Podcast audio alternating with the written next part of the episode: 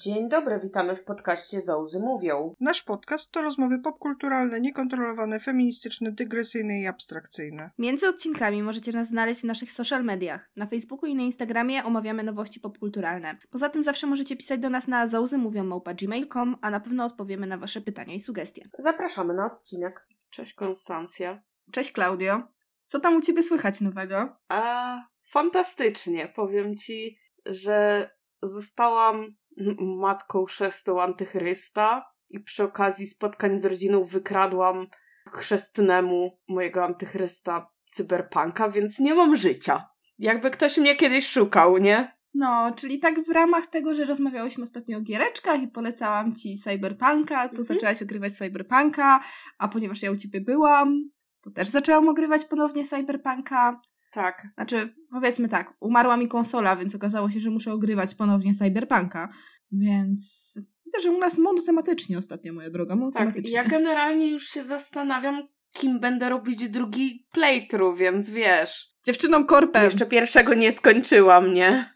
Tak, ale to pięknie. Ja generalnie nie wiedziałam, że tak może coś wejść jak bułeczka z masełkiem, więc polecam. No, weszło ci, weszło ci. Nie wiem jak się nazywam, nie wiem jak się nazywam, nie napisałam nic na Zouzy i chyba nie napiszę w najbliższym czasie. Na szczęście jesteście dość wyrozumiałe i do mnie nie piszecie z takim Klaudia ogarnij w życie, tylko w miarę jest Nie. zrozumienie, że no cyberpunk, nie? No ja przeżywałam to, co ty przeżywasz teraz na początku roku, więc jakby jestem w stanie to zaakceptować, zrozumieć, bo mnie też ta gra weszła bardzo mocno i weszła mi teraz po raz drugi bardzo mocno i też cały czas mam takie, czy ja naprawdę muszę chodzić do pracy, czy ja naprawdę chcę mieć za co płacić rachunki, a może jakaś kwarantanna, może sobie posiedzę dwa tygodnie w domku No nie, to by było fajne. Mi się akurat zdarzyło przeziębienie, w sensie faktycznie byłam chora i przez pierwsze dwa dni to bardziej sobie rzucałam tym padem w twarz, bo mi spadał jak leżałam. I brzmiałaś jakbyś potrzebowała egzorcyzmów, a nie lekarza. Tak, brzmiałam jakbym potrzebowała egzorcyzmów, co przy pracy na infolinii trochę przeszkadza.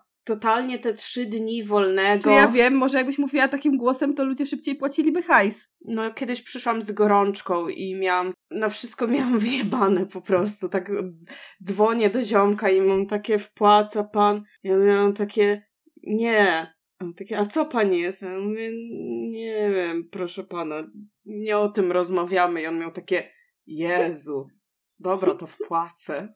No widzisz, widzisz, może to by zadziałało. Y, No myślę, że jak już by mnie nie mogli zrozumieć, to raczej nie bardzo, ale czasami gorączka pomaga. Jak to mówią, miejcie wyjebane, a będzie wam dane. No, także u nas jest dosyć e, monotematycznie, jak już mówiłyśmy, więc może pomówmy o czymś dużo przyjemniejszym i o naszym dzisiejszym temacie odcinka, bo tak stwierdziłyśmy, że w sumie w każdym sezonie może będziemy omawiać karierę jakiegoś typa, a co nam się trafił za typ w tym sezonie? Może za sezon oby mówimy jakiejś typiary, nie wiemy. Na razie jeszcze się taka nie zdarzyła. Tak, ale na przyszły sezon też już mamy plany i też jest to typiarz, więc jakby... Oj tam, oj tam. A, to byłby spoiler. Więc... Wiesz, no jeszcze nie wiesz, co się okaże, może się, może nie wiem, będzie Eliotem Page i zmieni płeć. Is it though? No nie jesteś w stanie powiedzieć, nie? W dzisiejszych czasach. Ale no dobrze, no na razie mamy zaplanowanych typiarzy, bo raczej jesteśmy typiarami, które wolą typiarzy, ale no tak się zdarza. Dobrze, także chcesz powiedzieć Konstancja o kim? O co to za typiarz, o którym będziemy mówić teraz przez najbliższe dwie godziny? Tak, ja bym w ogóle zaczęła od najważniejszej rzeczy, którą uświadomiła mi niedawno moja siostra, jak wspomniałam, że będziemy nagrywać w tym sezonie taki odcinek. I mianowicie wspomniałam, że o, no, będziemy nagrywać o Matsie Mikkelsenie, o Another Round, dalej, o całej jego filmografii. Po czym moja siostra, która mm, ma koleżankę, która spotyka się z Duńczykiem No, o imieniu Mats, więc y, od tego się zaczęła cała historia. No i okazało się, że Mats nie jest prawidłową wymową jego imienia. To jest Mes Mikkelsen. Tam nie ma D. o, Duńczycy nie wymawiają D w tym imieniu. W związku z tym cały świat wymawia źle jego imię. I znalazłam filmiki na YouTubie z duńskiej telewizji. które potwierdzają te teorie. Faktycznie tam nie ma D. To jest Mes Mikkelsen. Czy właśnie zrujnowałam ci życie? Nie, jestem w stanie to zaakceptować. Ale nie ukrywajmy, że będziemy mówić przez całe najbliższe dwie godziny mac, bo jakby nie zmieni to mojego życia. Nie, nie robi mi to, możemy mówić poprawnie. Tylko powtórz to jeszcze tak z pięć razy, bo ja mam kiepską pamięć do imion, więc mi trochę zajmie, zanim to zapamiętam. No jakby moja siostra to podsumowała stwierdzeniem what a mess. Ha, ha, ha, ha, ha, ha. To było bardzo suche, muszę teraz przepić winem. Ale tak, Tak, to a propos tego Raus, nie? Przepijmy to Tak. winem. przepijmy to winem. Tak a propos filmu o piciu. To był dobry film o piciu. Ale zanim przejdziemy do filmu o piciu, zacznijmy od tego, od czego zaczęła się nasza miłość do Matsa Mikkelsena, Hmm. czyli od Hannibala, bo chyba tu możemy się zgodzić, że od tego się Tak, zaczęła. no chyba to był ten taki debiut największy, w, no w takim przynajmniej takiej popkulturze amerykańsko-brytyjskiej, w sensie to jest amerykański serial, tak, ale no Mhm. tej takiej anglojęzycznej kultu- popkulturze i tak naprawdę to był serial, który zdobył strasznie szalone w ogóle wyświetlenia. Ale nie tylko w anglojęzycznej. Japończycy mieli straszny odpał fanowski na punkcie tego serialu. Ale oni mają w ogóle na jakieś horrory, oni są jacyś dziwni, ale no nieważne. Ale no, e, Hannibal generalnie ma ogromny fandom w Tak, Japonii. Hannibal generalnie był strasznym fandomem. W sensie to był chyba jeden z Jest, pierwszych fandom fandomów, do których tak weszłam i chyba trochę żałowałam, że weszłam. W sensie to był jeden z takich fandomów, przy których, no nie wiem do których drzwi doszłaś, ale do pewnych drzwi dochodzisz, otwierasz, wiesz, widzisz tego ziejącego ogniem smoka i masz takie shit. Hmm, tak daleko nie powinnam była iść. Okej, to widać, ja nie wdepnęłam w ten fandom aż tak głęboko, ponieważ ja z fandomem Hannibala, czyli z Hannibal Polska Kuchnia na Facebooku, mam bardzo dobre wspomnienia, mianowicie na moim chyba drugim perkonie w życiu trafiłam na ich panel, który był w ogóle jakiejś pierwszej, drugiej w nocy. Prowadziła to bardzo fajna dziewczyna, taka bardzo zajarana serialem, no i opowiadała nam różne ciekawostki w stylu, puszczała nam japońskie reklamy Hannibala O, z telewizji. Pewnie jakąś podlinkujemy, ponieważ jest to przeżycie nie do zapomnienia. Naprawdę. Częstowała nas ciasteczkami w kształcie organów o. i na przykład opowiadała o tym, jak bardzo chciała pokazać Hannibala swojej przyjaciółce, siostrze, nie, nie pamiętam już komu, ale ta osoba stwierdziła, że ona nie chce oglądać zwłok, więc ona zrobiła takie poświęcenie, że wyedytowała pirackie wszystkie odcinki, tak, że w momencie, w którym były pokazane zwłoki, wrzucała zdjęcie kotka z podpisem Policja ogląda zwłoki, które są rozczłonkowane. I było zdjęcie. Ojej. To była najsłodsza rzecz na świecie. Tak, no ja przyznam, że no jak Hannibal, no to jest jednak, nie wiem, kryminało, horror, thriller, coś w ten deseń. Coś w ten deseń. To nie A jest jak w ogóle horror. trafiłaś na Hannibala? No ja, wiesz, no jak trafiłam na Hannibala, nie wiem, no wszyscy oglądali Hannibala, wtedy po prostu się odpalałaś internet i Hannibal wyłaził ci z lodówki. A ja powiem ci, że nie mam bladego pojęcia, jak trafiłam Znaczy, na ja też nie pamiętam, ale tak mi się wydaje, coś takiego pamiętam. Nie wiem, czy mi ojciec nie polecił zresztą. Mi się wydaje, że poleciał mi go kolega z pracy, a ja wtedy dopiero zaczynałam się spotykać z Piotrkiem. W związku z tym oglądaliśmy dużo rzeczy razem na zasadzie o, będę udawać, że jestem tym zainteresowana, ponieważ głupio mi powiedzieć, że to chujowe. Między innymi obejrzałam tak pierwsze i jedyne anime w moim życiu, które zresztą nie jest chujowe, ale jakby tylko dlatego to obejrzałam, bo byliśmy na początku jakiejś tam relacji. No, anime są specyficzne. No, jakby zaczęliśmy oglądać tego Hannibala i strasznie wsiąkliśmy. Po prostu tak strasznie, że to był chyba pierwszy serial, który tak obejrzeliśmy po prostu razem non-stop za jednym, wiesz, posiedzeniem. I my wtedy chyba był w ogóle pierwszy sezon tylko? Znaczy, mi się wydaje, że Hannibal był na AXN-ie i mój tato go oglądał i miał takie, ale fajne! I ja miałam takie, iii, iii, no dobra, obejrzę. A potem okazało się, że to ma tyle podtekstów seksualnych a propos bycia gejem, że miałam takie, okej, dla każdego coś fajnego. Niektórzy lubią trupy, inni lubią gejów. Drugi sezon chyba, to jednak nie był ten serial, który oglądałam z ojcem, bo powiem ci, że no, nie chciałam burzyć mu perspektywy i tego domku z kart, że oni są tylko i wyłącznie przyjaciółmi. O, to jak w Sherlocku, jak sobie uświadomisz, że ej, oni są współlokatorami. i bliskimi przyjaciółmi. Tak. Tak, no trochę tak jest, nie? Ale no Nie psujmy niektórym i porno, więc jakby... Chociaż wiesz co, no powiem ci, że generalnie no i oboje aktorzy, w sensie i aktor grający Willa, Hugh Dance, Darcy? Hugh Dancy. Dancy, coś takiego. Tam chyba nie ma R. Nie ma znaczenia. Nie, o, nie ogarniam go. W każdym razie on i Max byli bardzo zajarani tą relacją i oni specjalnie ją zrobili w ten sposób. W sensie Brian Fuller, twórca Hannibala, im tylko zasugerował, że mogą to w tym kierunku, ale to była ich inicjatywa, żeby to popchnąć. Ale no w pewnym momencie pamiętam, że jak trzeci sezon miał wyjść, to były strasznie dużo było takich komentarzy ze strony i Maxa i Hugh, że no, no, no, no, no, no tak, tak, może, może będą się całować, a może nie będą się całować, a może w ogóle w łóżku skończą, my tego nie wam nie powiemy, no musicie sobie zobaczyć trzeci sezon. Także a propos zagrywek poniżej pasa. Czy to był queerbiting? Tak, to był queerbiting. Czy wszyscy się na to złapaliśmy? Oczywiście, że się wszyscy na to złapali. Obviously. Jakby, no jakby Hugh Dancy nie jest jakoś tam super osobą, która mi się podoba wizualnie, ale jaką oni mieli chemię na ekranie, jak to się oglądało, Jezus Maria, Tak. cudo. No, to było cudowne. W sensie, trzeci sezon jest taki memiczny. Na przykład, jak Hannibal zrobił Willowi serduszko w katedrze. Mm, To było tak. takie urocze.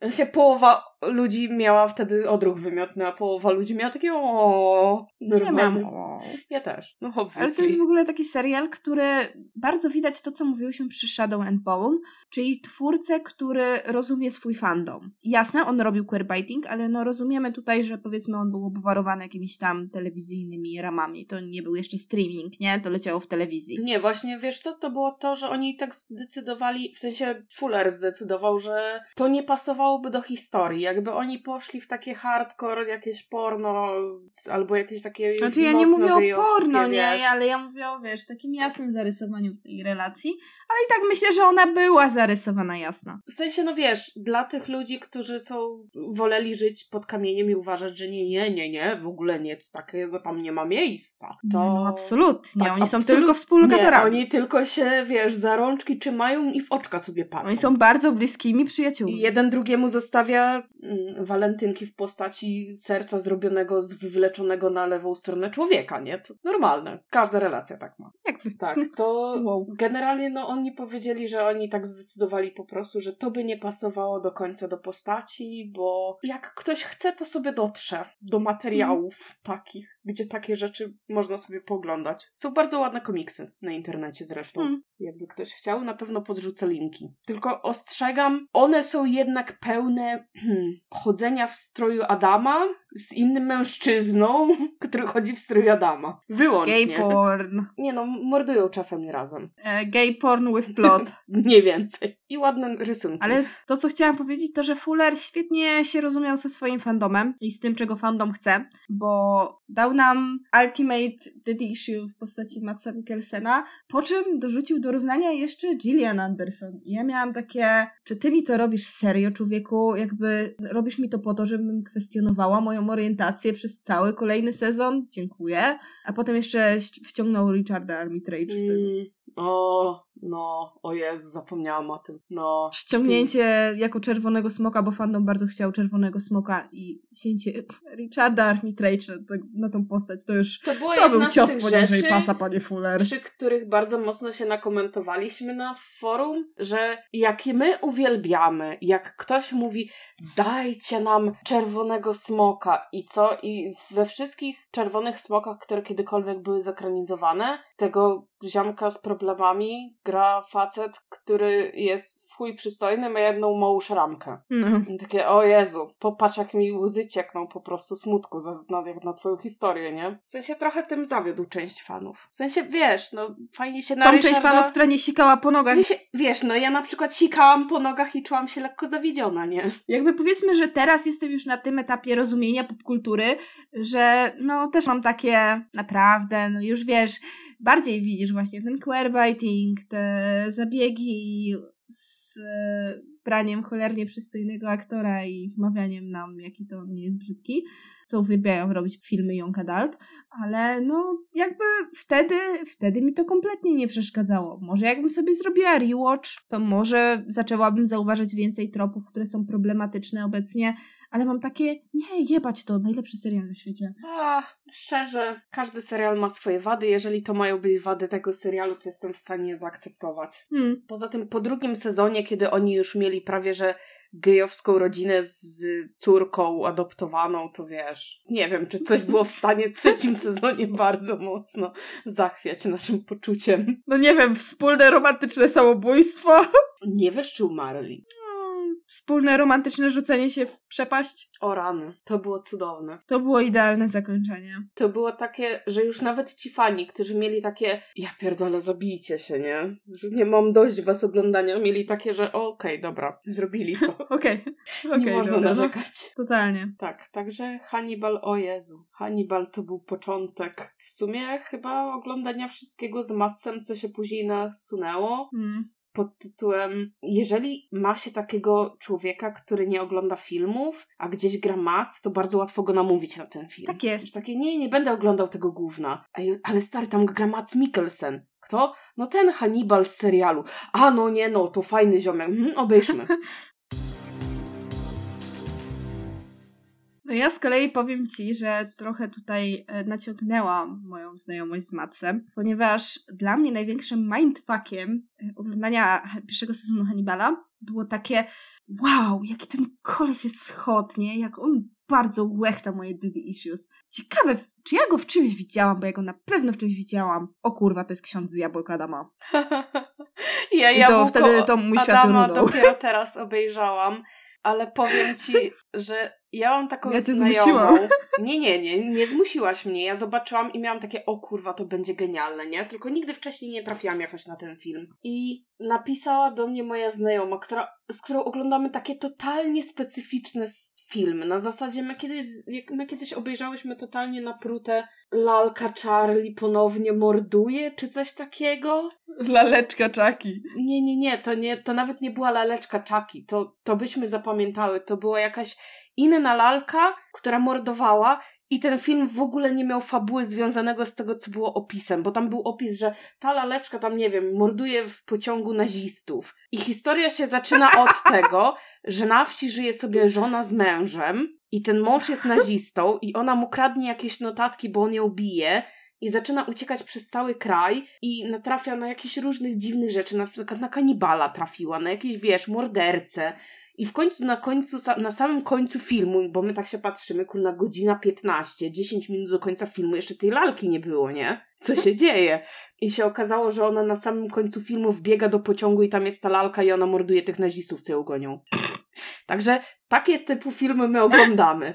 I ja mówię, stara, mam film. Po pierwsze jest z Matsem, po drugie, tam gra ziomek, który wygląda, no, w sensie, no on gra współczesnego neonazistę, więc no, No. wygląda jak współczesny neonazista. On wygląda jak Sebik, kurczę, z Zabrza, nie? Sosnowca. Powiem ci, że no nie wiem, nie było konkretny w troglodyta, Zabrze- no. w Sosnowcu, ale w Zabrzu ostatnio widziałam takie prawdziwe Sebiksy, więc wiesz, szacuneczek. Zapomniałam, że miałaś wątpliwą przyjemność zobaczyć e, dresa w stanie naturalnym. Kurczę, ale powiem ci, dawno nie widziałam takiej atrakcji, że ta żonobijka poplamiona zupą, dresy, sandały ze skarpetkami, bicki, kajdan na szyi i kurczę, tatuaż na łysej głowie Bóg honor ojczyzna. No kompilacja po prostu. Klaudia, po prostu jak do mnie przyjedziesz teraz do Łodzi, to ja cię muszę zabrać na wycieczkę krajoznawczą na Limankę. Okej, no Jakby, dobra. no tam w każdej bramie. We Wrocławiu już trochę wymarli, więc już ten, już nie widziałam takich dawno. Nie, w Łodzi mają ciągle swoje, wiesz, siedliska. No, ale no w każdym razie, no w w Jabłkach Adama jest człowiek, który gra neonazistę, więc jak ona to zobaczyła, to jej się oczy zaświeciły. Powiem ci, my się dawno nie uśmiałyśmy tak na filmie. To było Hmm. tak cudowne przeżycie. Ja po prostu mam takie 10 na 10. Ja odkryłam wszechświat z tym filmem. Cieszę się, cieszę się, że tak na niego zareagowałaś, ponieważ ja Jabłka Adama w ogóle obejrzałam pierwszy raz w życiu jako bardzo młoda osoba, ponieważ moi rodzice mieli to na DVD. Nie wiem skąd moi rodzice wzięli ten film, skąd go wytrzasnęli, jakim cudem mieli go na DVD jakieś 15 lat temu, lekko licząc, ale my ten film oglądaliśmy u mnie w domu rodzinnym, średnio, nie wiem, raz w roku, więc ja go znałam jakoś tak naprawdę zajebiście. Po czym właśnie zaczęliśmy z Piotrkiem oglądać Hannibala i ja miałam takie, o Boże, to jest ten ksiądz Jabłka Adama i Piotrek miał takie, co? To ja miałam takie, o, mamy film do nadrobienia, mój kolego. No i obejrzeliśmy to Jabłka Adama i ja miałam takie, Boże, po tylu latach ten film wciąż jest tak dobry. To jest jeden z najlepszych filmów, jakie ja widziałam w życiu. Powiem Ci, że do momentu, w którym odkryłam nowozelandzki humor, to był jakiś taki szczyt dziwnych filmów, które włączałam ludziom na zasadzie, to jest moje poczucie humoru. Enjoy. No to powiem ci, że ja enjoyowałam. Sylwia, która dzisiaj za mnie nagrywa, chyba też nadrobiła ten film i miała takie, co? Pozdrawiamy Cię, Sylwia. Ona miała takie totalne, co to było? Co Ty mi kazałaś obejrzeć? W ogóle what the fuck? Po czym Ty obejrzałaś i miałaś takie, jabłka Adama, 10 na 10. Tak. Jakby będzie w topce roku. Tak, to będzie w topce roku. To naprawdę będzie film, który zmienił moje życie i postrzeganie świata, nie? Dlatego warto było nagrać ten odcinek. Tak, jak ta końcowa scena, jak ten y, lekarz zaczyna pakować walizkę, nie? Bo ten został postrzelony i mu tego guza wystrzeliło. Nie dość, że poszerzył postrzał, to jeszcze śmiertelnego guza mu usunęło, który był nieoperacyjny. No cóż, chciałabym powiedzieć, że ten, że duński humor polecam, ale jakby jeśli nie widzieliście Jabłek Adama i jesteście ciekawi tego filmu, mimo tego wielkiego spoilera, jaki właśnie rzuciła Klaudia. Ale oni wiedzą, nie kogo jest, dotyczy Nie jest tak to istotne, jakby, jakby nie jest to istotne, to totalnie musicie obejrzeć ten film. To jest film, który powinien chyba obejrzeć każdy w swoim życiu, bo jest tak absolutnie genialnym dziełem. Jest cudowny. Ty w końcu nadrobiłaś e, mm, polowanie? A, to my, to my już Nie, ja do tak pytam się ogólnie, czy nadrobiłaś? Tak, nadrobiłam. I Wow. możemy w sumie pomówić o Wittenbergu, bo mamy tutaj segment, który pieszczotliwie nazwałam ulubione pozycje z Maxem i jakby no Wittenberg się tu bardzo dobrze komponuje z tym segmentem. Tak. No więc tak, w końcu nadrobiłam moją kubkę wstydu, czyli obejrzałam Polowanie, które miałam obejrzeć od 140 lat, odkąd poszłam na komunę z moim przyjacielem. To też jest film Wittenberga, ale tam nie gra akurat Mac. Ale poszliśmy na to, właśnie mój przyjaciel bardzo mi polecał Polowanie, no poszliśmy na komunę, komuna podobała mi się tak średnio, ale teraz wyszło Another Round, Tak. no i tak do odcinka stwierdziłam, że musimy nadrobić Polowanie. Więc obejrzeliśmy je teraz jakoś, nie wiem, dwa tygodnie temu. I ja cały film przesiedziałam na telefonie, układając sobie na klocki, no, ponieważ ten film mnie tak triggerował na tak On wielu jest poziomach. naprawdę ciężki. W sensie ja go oglądałam Tak koszmarnie ciężki. na studiach, ponieważ planowałam naiwnie dość, że napiszę na ten temat y, Mhm. pracę licencjacką, po czym miałam takie y, no, not gonna happen. Potem jak obejrzałam go drugi raz, miałam takie nie, bo zaczynają mi się włączać instynkty, których nie chciałabym w sobie pielęgnować, na przykład, nie wiem, anihilacja wszystkich dzieci na świecie. Z litości dla nich. No, powiem ci, że my jako osoby, które dzieci nie mają, nie chcą, nie planują, reagują dosyć alergicznie na dzieci i nienawidzę dzieci nie chcę mieć dzieci i po tym filmie nie chcę mieć dzieci jeszcze bardziej.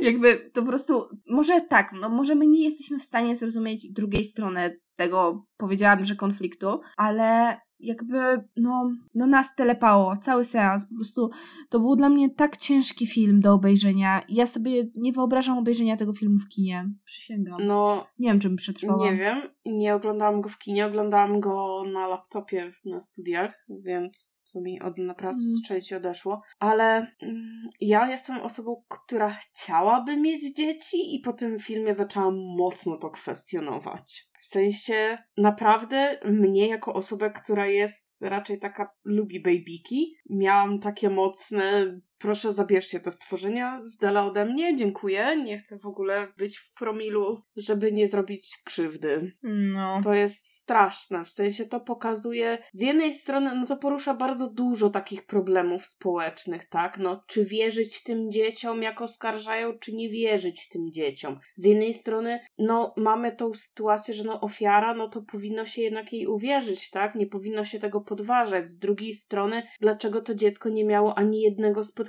z psychologiem, który by zweryfikował, czy ono nie pierdoli jakiś głupot, tak? No tam jest bardzo dużo rzeczy, które wiesz, no, ten film też powstał 10 lat temu, powiedzmy, że no jednak 10 lat temu troszeczkę inaczej się do tego podchodziło. No ja, wiesz, ja jestem osobą, która zawsze wychodzi z założenia, że należy wierzyć przede wszystkim ofiarze, ale no jakby rozmowa ze szkolnym psychologiem i to jeszcze facetem, to nie jest, wiesz, coś, co w ogóle powinno się robić. Ja rozumiem, że teraz są zupełnie inne, wiesz, mechanizmy podchodzenia do tego typu rzeczy. Znaczy, wiesz co, no to też pokazuje trochę inno, inną sytuację, bo oni w końcu tam w filmie przecież udowadniają, że to się nie mogło No. wydarzyć, tak? Bo po pierwsze, no ta kwestia tej piwnicy, której on w ogóle w domu Mm. nie miał i do gdzie jaka piwnica, nie? No co wymyśliły se wszystkie dzieci jedną piwnicę, w której, kurczę, no skąd ja ją miałem wziąć, skoro nie mam takiej piwnicy? No Nigdzie. tak, tak. No tam było dużo takich Także rzeczy. to jedno i to też pokazuje no takie, wiesz, stygmę społeczną, tak? Że no nawet jeżeli udowodnisz, jeżeli ktoś skłamie i powie, że no ty zrobiłeś coś tam, a ty tego nie zrobiłeś i nawet jeżeli to udowodnią w sądzie, to i tak będą ludzie, którzy tak naprawdę będą uważać, że jesteś najgorszą szumowiną. No właśnie to jest to, jak, jak ten film jest, wiesz, fenomenalnie zbudowany na takim socjologicznym, społecznym aspekcie, ale no dla mnie, no naprawdę, to, to jest fenomenalny film i uważam, że naprawdę to jest jeden z lepszych filmów, które widziałam w życiu, no bo Wittenberg jest naprawdę fenomenalnym twórcą, ale no nie wiem, nie poleciłabym go, wiesz, o Jezu, musisz obejrzeć ten film, jak nie wiem, musisz obejrzeć Jabłka Dama, no bo to jest jednak przeprawa, to jest jednak bardzo triggerujące na bardzo wielu poziomach. Tak, może tak. Ja uważam, że jeżeli ktoś się czuje gotowy, jest gotowy się zmierzyć z tym tematem, to powinien obejrzeć ten film, bo jest to na pewno wartościowy film, który zostawi was mnóstwem przemyśleń, który w pewnym sensie odmieni wasze Mm. życie. Ale z drugiej strony to jest chyba jeden z niewielu filmów, gdzie warto poczytać o filmie i pójść na film ze Tak. spoilerami Zdecydowanie. że idziesz przygotowana, a nie, że wiesz, włączam sobie film, bo ja na przykład nie wiedziałam Mhm. o czym on jest. Nie przeczytałam nawet kurczę tego głupiego opisu na Filmwebie i mnie wgniotło w fotel. Ja miałam takie, nie wiem, co ze sobą zrobić, proszę help. Chyba powinnam pójść na terapię. No jak dla mnie właśnie dobrze jest wiedzieć, o czym jest ten film. Wiedzieć, wiesz, na, na jaki temat się porywasz, bo no, jeśli nawet jesteście wielkim fanem Mikkelsena, a zakładam, że jesteście, jeśli dosłuchaliście do tej minuty podcastu, to myślę, że to jest je, akurat jeden z takich filmów, dla których nie warto oglądać ciągiem, jak oglądasz po prostu kolejne filmy z Matsem Mikkelsenem na, nie wiem, Netflixie.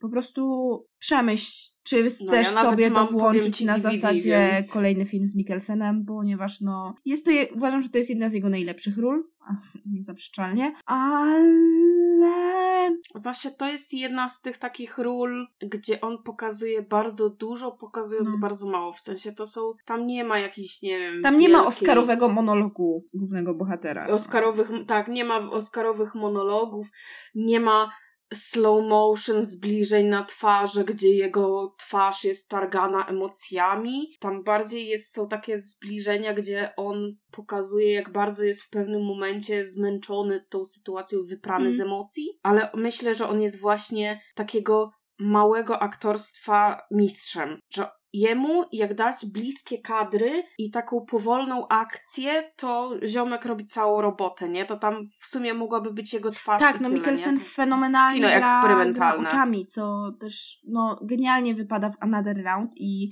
widać, że tutaj Wittenberg się troszeczkę nauczył na ten temat, ponieważ jak mamy tą otwierającą scenę praktycznie, znaczy otwierającą scenę Another Round, gdzie oni siedzą na tych urodzinach kumpla, wiesz, przy stoliku w knajpie i mamy praktycznie zbliżenie tylko i wyłącznie na Matsa, gdzie on odpowiada, że w sumie wszystko jest spoko, ale no widzisz po nim, I się jak nawet uśmiecha, ale ten uśmiech nie dosięga oczu.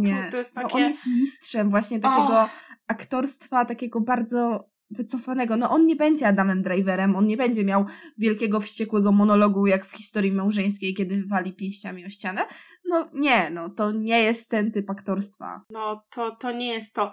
Dlatego na przykład bardzo żałuję, że nie obejrzałaś Arctic do odcinka, bo myślę, że to po prostu pod tym względem by ci tak w punkcik walnęło. Chociaż to też jest ciężki film, no bo to też może triggerować pod innym względem, no bo tam się jednak akcja dzieje na biegunie północnym. Gdzie on się tam gdzieś rozbił kiedyś tam i on teraz już sobie tam w miarę jakoś tam życie, żeby, przeżyw- żeby przeżyć układa. No i rozbija się samolot, z którego on ratuje pasażerkę, no która potrzebuje po prostu atencji medycznej, tak? Więc on, żeby ona nie umarła, on po prostu robi wszystko, żeby się dostać do najbliższej, najbliższego punktu na tej Arktyce, gdzie tam w ogóle jest dostęp do jakiegoś, ele- jakiegoś lekarza, że oni mogą ich zabrać Mhm. wiesz, są nad tym mom- miejscem, gdzie tam z helikoptery nie mogą latać, no bo tam jest pole magnetyczne, tak, więc nie za bardzo ich odratują w ten sposób, więc on musi tam z buta pójść prze- z, z nią jeszcze. Miałam zamiar obejrzeć ten film, ale jest na Netflixie,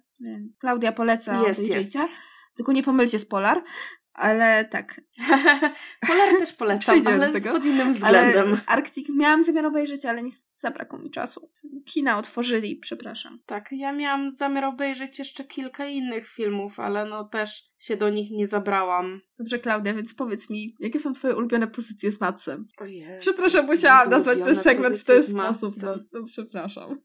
Niczego nie żałuję tak naprawdę. Znaczy, ja generalnie jeszcze nie byłam jakimś filmem z Matsem, który obejrzałam zawiedziona. Jeżeli nie podoba mi się nawet za bardzo historia, to raczej Mats mi się podoba. Nawet w Chaos Walking nie był taki najgorszy. W sensie, no, ten film nie ma sensu. Ale, ale po nim, no, po nim już jeździłyśmy. Mats, nie? Więc y, ten, ale no na pewno Another Round, na pewno The Hunt, na pewno Doktora Strange'a bardzo lubię z nim. Na pewno Adam Sapulc teraz dojdzie do tego, co, do tej całej całości. Ale na przykład jestem szaloną fanką Polar. No przecież tam jest wszystko, co można sobie zamarzyć Nie, z proszę, Matsem. proszę, Łącznie proszę z gołymi pośladkami. Nie, Polar zostawmy sobie na koniec, ponieważ ja nie chcę, nie chcę o tym rozmawiać jak najdłużej. O Jezus Maria. Rozumiem, że ty nie masz takich uczuć. Mam wiele uczuć wobec Matsa Mikkelsena, ale nie wobec tego filmu.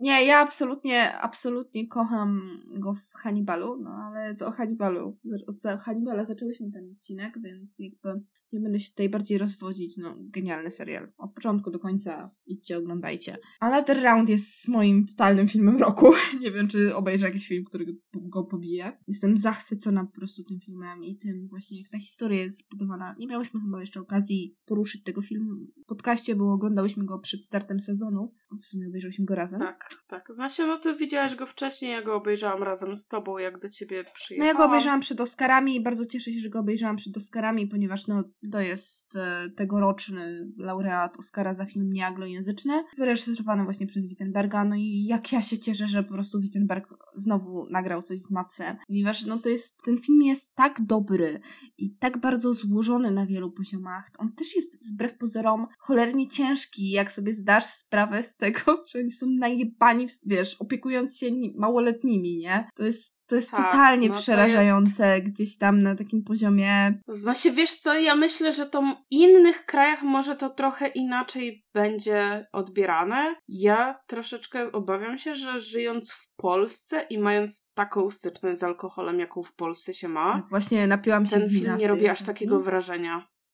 Ja sobie zaraz muszę dolać, nie? Ja właśnie korzystając z tego, że mówisz, sobie dolałam. Ale tak, no właśnie Kasia Czajka właśnie w swojej recenzji napisała, że ma bardzo poważny problem z tym, że ten film jest o wiele lżejszy w odbiorze niż Polowanie, przez co może być przez Mm. wiele osób, które idą po prostu na kolejny film z Mikkelsenem, odebrany jako taki trochę zachęcający do tego, co się tam dzieje.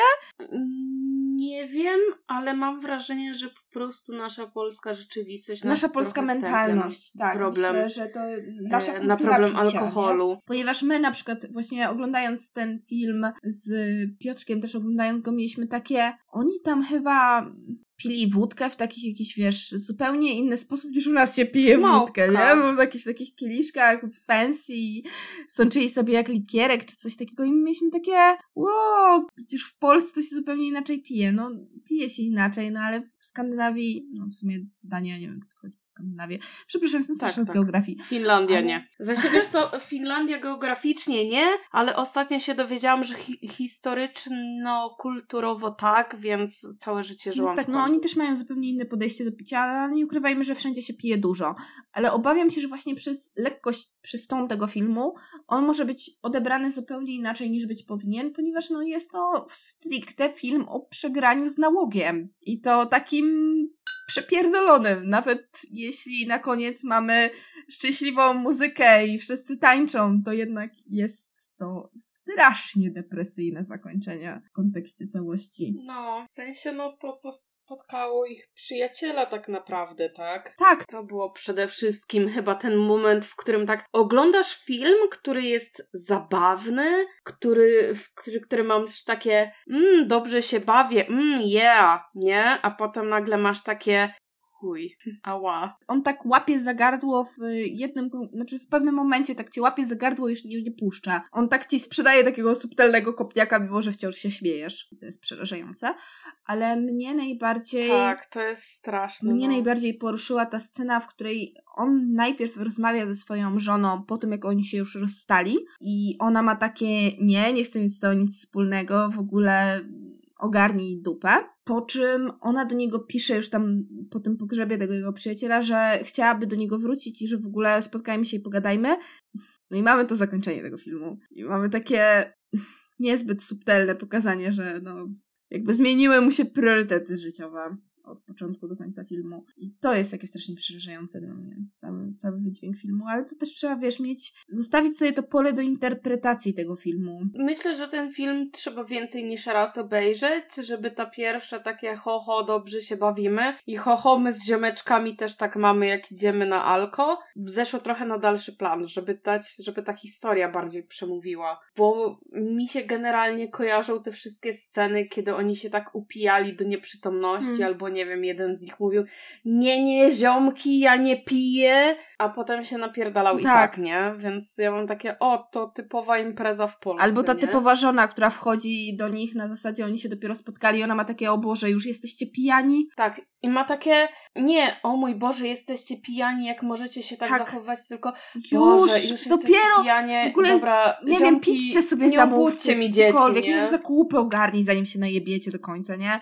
Takie, takie codzienne to jest, że w sumie tylko jeden z tych bohaterów tak naprawdę wiemy, nie licząc postaci Matsa Mikkelsena, wiemy, że ma rodzinę, no bo widzimy jego rodzinę, widzimy jego małe dzieci, więc jakby, no tutaj mamy jedyną tą perspektywę tego feedbacku od jego żony, która ma takie na zasadzie, o Boże, O Boże, znowu, zaprosiłeś kolegów, dobra, ja wychodzę, ogarnij zakupy i ogólnie dobawcie się dobrze, a poza tym już jesteście najebani, nie miałeś zakupów wcześniej zrobić. To jest takie strasznie też, wiesz, przerażające na tym poziomie, jak codzienne jest to picie, nie? W sensie to też jest trochę przerażające na tym poziomie, że trochę u nas tak jest, nie? Że u nas rzadko ktoś powie, że o mój Boże, najebałeś się? Przecież nawet nie ma jeszcze którejś tam godziny, tylko ma takie, o Jezu, naprawdę już jesteś najebany, a nie miałeś czegoś tam ogarnąć, nie? U nas to jest takie, he, he, już jest po 12 pijemy, nie? I mean, it's five o'clock somewhere, no nie? właśnie, dokładnie. Dokładnie to jest to. Ale jakbym miała wymienić jakąś wadę, to uważam, że w polowaniu dużo lepiej Wittenberg sobie poradził w budowaniu relacji ojciec-syn. Tutaj jej prawie nie mamy. I też miałam takie... Ja rozumiem, że to Znaczy, jest ja też... myślę, że to też jest Tak, to jest kwestia też tego, że ten celowy bohater zabieg. był taki, Ale... on miał być taki odizolowany i on tego alkoholu miał używać właśnie jakiegoś takiego podłoża do budowania relacji, tak? Ale to widać na przykład, ten film też ma takie bardzo ciężkie momenty, jak na przykład oni się tam porównują swoje te wyniki, Mm. nie? No, oni to są nauczyciele, tak? Więc to są ludzie, z których powinniśmy brać przykład. I oni tam, wiesz, że ja musiałem dzisiaj, nie wiem, wypić małpkę przed przyjściem do pracy, bo inaczej się trząsłem. No, dla mnie też mega przerażająca jest jest, takie, mm. scena, w której jeden z bohaterów namawia swojego ucznia przed egzaminami, przed maturą, no ichniejszą maturą, do tego, żeby sobie, wiesz, Także walnął na odwagę, boisz, nie? to sobie walnij, nie? Ja rozumiem, że wiesz, no to jest takie podejście na zasadzie, że pierwsza scena tego filmu jest taka, że te nastolatki, których oni uczą, praktycznie wszyscy, nie licząc WF-isty, który uczy mniejsze dzieci, ale oni wszyscy uczą nastolatków, którzy no w wakacje, no widać, że dają wpalnik, no bo kto w liceum w sumie nie dawał wpalnik w jakimś tam stopniu. Wiesz, jeśli masz zgraną Ja. ekipę i etc., no to wiadomo, że się piło, nie? No jakby nie ukrywajmy Nie, tego. ja byłam pizdą. Ty ja generalnie w pierwszy raz piłam wódkę na swoją osiemnastkę. No gratuluję, ja chodziłam na punkowe koncerty odkąd, odkąd skończyłam 14 lat, więc Nie, no ja generalnie byłam grzecznym dzieckiem, a potem jak się zaczęło, to się okazało, że jeszcze mam twardą głowę, więc do mnie wszyscy znajomi przychodzili, żeby się napić w liceum i za każdym razem jak przychodzili, to pierwsza wizyta to był totalnie szok. Na zasadzie, nie wiem, przyszły moje dwie znajome i przyniosły recy, nie? Mm. Kurwa recy za wszystkich alkoholi. Po jednym dla każdej z nas, więc po prostu ho, taka biba. Hmm. Po prostu trzeźwyśmy, trzeźwyśmy, że nie wyszły, nie? I w momencie, jak moja mama weszła do pokoju z takim kanapki wam zrobić dzieci czy coś, to one miały takie, że wiesz,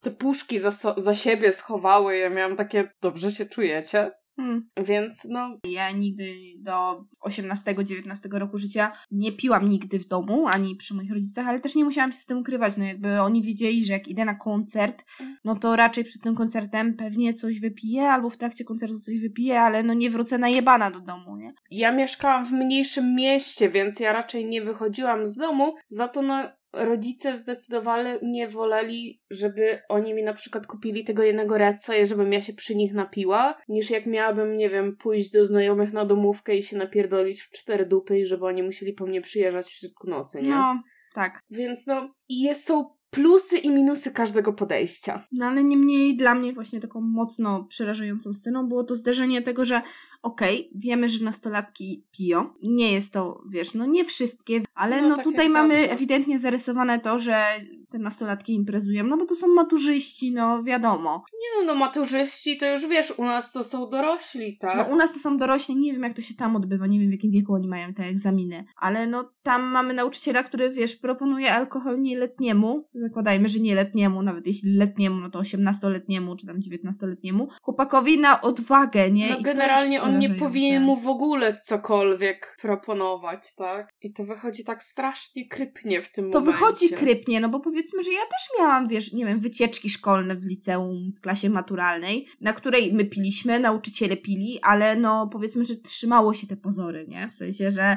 nauczyciele nie przychodzili do nas z wodą i haha, pijemy na odwagę, nie? Tylko no raczej my udawaliśmy, że jesteśmy trzeźwi, a oni udawali, że są jeszcze bardziej trzeźwi, więc Tak, no u nas też coś takiego było. Na zasadzie, że no nie mieszało się towarzystwo. Już jak chyba mieliśmy jakiś taki wycieczkę, która była już po maturach i na tej wycieczce pamiętam, że no ja mnie na niej by nie było, ale pamiętam, że ziomki pojechały, jechał ziomek od tej informatyki i on do nich wbił właśnie z wódeczką, to oni mieli takie mocno, no już wiesz, niby tą szkołę skończyli, nie? Niby już matura napisana, ale i tak trochę dziwno. Ale jednak to jest takie właśnie dziwne podejście. I uważam, że właśnie, właśnie tym Another Round jest momentami strasznie przerażające. Uważam, że jest mniej przerażające niż, e, niż polowanie, ale no to z uwagi na tematykę. No jest, no trochę tak. No tu jest mniej zarysowany ten taki problem społeczny, tak? No nie widać tego takiego potępienia ze każdej strony społeczeństwa, tak? Mhm. Co jest w sumie może trochę bardziej przerażające, no bo skoro to wszystko jest tak bardzo znormalizowane. Tak, to, to, to jest pewnie kolejny aspekt. No też nie ukrywajmy, że The Hunt działo się chyba w mniejszej społeczności, wydaje mi Tak, się. Tutaj oni raczej mieszkają w, chyba w Kopenhadze? Nie wiem, w jakimś dużym mieście. Dużo większym na pewno niż, niż działa się. Znaczy na pewno większym niż Mhm. działo się polowanie, no bo tam była taka typowo mało miasto, bardzo mało miasteczko. Bardzo, no. no. Nawet to było widać po szkoła, tej jedno jednej, wiesz, imigrantce Polce, która, która tam miała romans Mikkelsenem. No, ale to tak, to jeżeli chodzi o no, na Rauszy, to tam się, tam się w większym mieście działo. Nie jestem pewna, czy to była Kopenhaga. Nie wiem, czy oni Nie, no, byli na tak przykład z rzuciłam. jakimś takim, wiesz, miasteczkiem takim na przykład przylegającym do Kopenhagi, Mhm. tak? Że ona praktycznie jest częścią, ale tak nie do końca. Klau, a co sądzisz o tym, że Wittenberg będzie robił amerykańską wersję tego filmu, a post Mikkelsena będzie grał DiCaprio? Czy chcemy Mm. o tym porozmawiać, czy wolimy napić się wina i zmienić temat? Znaczy, ja i tak się muszę napić winy, jeżeli mamy o tym rozmawiać. Tak, ponieważ ja mam takie jakby nominujcie Mikkelsena do Oscara za tą Mhm. rolę, nie dawajcie tej samej roli DiCaprio, który będzie rzucał kieliszkami w ścianę i był nadmiernie ekspresyjny, Znaczy, żeby amerykański widz Ja na pewno zrozumiał. będę ciekawa tej wersji. Chciałabym to zobaczyć. W sensie na pewno to zobaczę, bo No, nie ukrywajmy, ja nie, nie, nie będę się mogła powstrzymać, żeby po prostu nie spojrzeć na tą wersję i nie mieć takiego, "Mm, a teraz się porównam pod każdym względem. A teraz ziom. może po prostu obejrzyjcie film z napisami. A nie, to w Ameryce to są do tego specjalne kina, to nawet nie leci w takich normalnych kino, kinowych y, sieciach, nie? W sensie to tak jakbyś filmy No z teraz to nic tak nie jakbyś- leciało w normalnych kinach. No tak, no ale te, teraz jakbym ci to przetłumaczyła na polskie realia, to wyobraź sobie, że w tych wszystkich multikinach lecą tylko i wyłącznie filmy po polsku. A jak chcesz obejrzeć film z napisami albo film y, w oryginalnym języku, To musisz bez iść do studyjnego. oni- to musisz iść do jakiegoś, wiesz, DCF-u, jakichś nowych horyzontów i to wiesz, na jedna data raz na jakiś czas, nie? No tak jest właśnie między innymi w Niemczech, że tam też wszystko leci z dubbingiem, więc jak chcesz obejrzeć film z oryginalną ścieżką z napisami, no to musisz iść do kina No, a studyjnego. nasze kina się rozwinęły. Tak. Jestem pod wrażeniem, że nasze kina się rozwinęły, bo nie sądziłam, że pod tym względem to pójdzie, ale ostatnio widziałam nawet kurcze bajki w wersji oryginalnej Tak. z napisami. Powiem ci, że tak, że Miałam naprawdę się wow. to zmienia, ponieważ właśnie zaczęły lecieć nawet animacje z wersji oryginalnej z napisami. To jest plus, bo to pokazuje, pokazuje, że nas słuchają, tak, jako odbiorców, tak, że my tego chcielibyśmy, no to macie, nie? Teraz właśnie wyszedł ten film z The Rockiem i Emily Blunt, coś tam w dżungli. Pisałam recenzję, zapraszam na nasz fanpage. I zazwyczaj takie filmy disneyowskie, aktorskie, one leciały z dubbingiem trzy razy, z napisami raz. Tak teraz, gdzie mamy już miesiąc od premiery, ten film dalej leci w moim Cinema City, tylko z napisami. Więc jakby wow, bo zazwyczaj tendencja była odwrotna. Tak samo Cruella. Cruella też leciała bardzo, bardzo długo i też przez większość czasu leciała z napisami, więc jakby widać, że jesteśmy już do tego bardziej przyzwyczajeni. A jeszcze fun fact o Another Round. Moja siostra mm, mieszka w Danii i w Danii zazwyczaj filmy duńskie, no tak samo jak filmy w Polsce lecą po polsku, no tak w Danii filmy lecą po duńsku. Tak Another Round w większości kin robili jeden, dwa seanse dziennie, kiedy leciały z angielskimi napisami. Więc Uuu, nice. żeby właśnie, no bo to był ich kandydat do Oscara, no jakby wiedzieli, że najpewniej tego Oscara dostaną, aczkolwiek no, mieli poważną konkurencję. Wiesz co, no ja pamiętam, że jak my mieliśmy ostatnią nominację do Oscara, znaczy nie wiem, czy to była ostatnia nominacja, ostatnia wygrana na pewno to było, jak idę wygraliśmy, Mhm. to wtedy przeciwko To nam, e, pamiętam, wojna. leciały mandarynki i ojeju, te, te mandarynki, ja tak bardzo płakałam, że te mandarynki nie wygrały. To był taki świetny film. Mm. Ale To jeśli, jeśli chodzi o Another Round, no to właśnie moja siostra miała okazję pójść nawet ze swoją koleżanką, która, która no, też nie jest Dunką, bo wybrały się razem właśnie z tej okazji, że w Danii były kina trochę szybciej otwarte niż u nas z uwagi na szczepienia i z uwagi na certyfikaty covidowe, więc y, miała okazję wybrać się właśnie na ten film z angielskimi napisami, co było super, co nie zdarza się też bardzo często w Danii, żeby puszczać filmy ichniejszej produkcji z napisami angielskimi, nie? U nas się to nie zdarza, u nas nie grali zimnej wojny z angielskimi napisami. No nie, u nas jeszcze do tego mam wrażenie, że nie ma jeszcze aż takiego zapotrzebowania, bo mimo wszystko nasza sieć dystrybucji jednak patrzy się na to, czego żądamy, tak? Było w pewnym momencie takie, Boże, bo Marvel po, po, po angielsku to leci raz dziennie i w takich Mm. godzinach, że wszyscy pracują. Faktycznie zaczęli puszczać więcej Marvela, kurczę, w godzinach normalnych po angielsku, tak? Ale to też z uwagi na przykład na to, że moich dwóch szwagrów jest anglojęzycznych, to też zaczęłam No. zwracać uwagę na to, że u nas właśnie przez to, że dużo filmów w kinach leci w oryginalnej ścieżce z polskimi napisami, mamy większą możliwość, tak jak teraz w tym roku chodziliśmy na polówki. Więc mogliśmy iść na polówkę, ponieważ wiesz, film był w oryginale po angielsku z napisami. Po czym miałam takie, o, jutro, gra, jutro na polówce jest Parasite, chodźmy. I moje siostry miały takie, ojej, zajebiście, chodźmy. Po czym mieliśmy takie, nie, nie, nie, czekaj, ten film będzie po koreańsku, więc z polskimi napisami, więc chyba jednak nie pójdziemy. To będzie problem. Poza tym chyba Parasite też miał mieć amerykańską wersję. Chyba Mark Ruffalo miał grać głównego bohatera. O Jezu. Nie wiem, czy da się zrobić Parasite w wersji amerykańskiej. Znaczy, ogólnie większość filmów, jak robisz w wersji amerykańskiej, to one jakoś takie biednie wychodzą. No wychodzą chujowo, no nie ukrywajmy. Ale no ja Nikt nie jestem potrzebuje bardzo trochę po- tej wersji z Leonardo DiCaprio, bo to są aktorzy z bardzo odmiennych spektrum aktorstwa, tak? Mats gra tak bardzo, on gra oczami, on nie ma jakiejś takiej Mm. super ekspresji, w sensie jak chce to ma, ale no generalnie nie na, za to go zatrudniają, tak? Oni właśnie go za te mikroekspresje, za to, że niby mu się twarz nie zmienia, a jednak mu się twarz zmienia. Mm. To za to, za to go ma tyle ról, tak? A DiCaprio jest jednak taki bardziej... Ekspresyjny. To jest to słowo, Tak. którego szukasz. To Ale jest to wiesz słowo, co, którego powiem, szukam. powiem ci tak, y, ja, mi się strasznie podobał, już kończąc ten temat, tweet, który poszedł chwilę po tym, jak właśnie ogłosili, że będzie... Tak, a to Another ogłosili Round. generalnie jak my y, siedziałyśmy u ciebie i obejrzałyśmy dopiero Tak, Another Round i ja weszłam na Twittera i miałam takie ty, ogłosili kto będzie grał Mat za Matsa i ty miałaś takie kto? I w tym momencie się odezwała młoda z takim kto? I ja miałam takie a Leonardo DiCaprio i miały się takie co?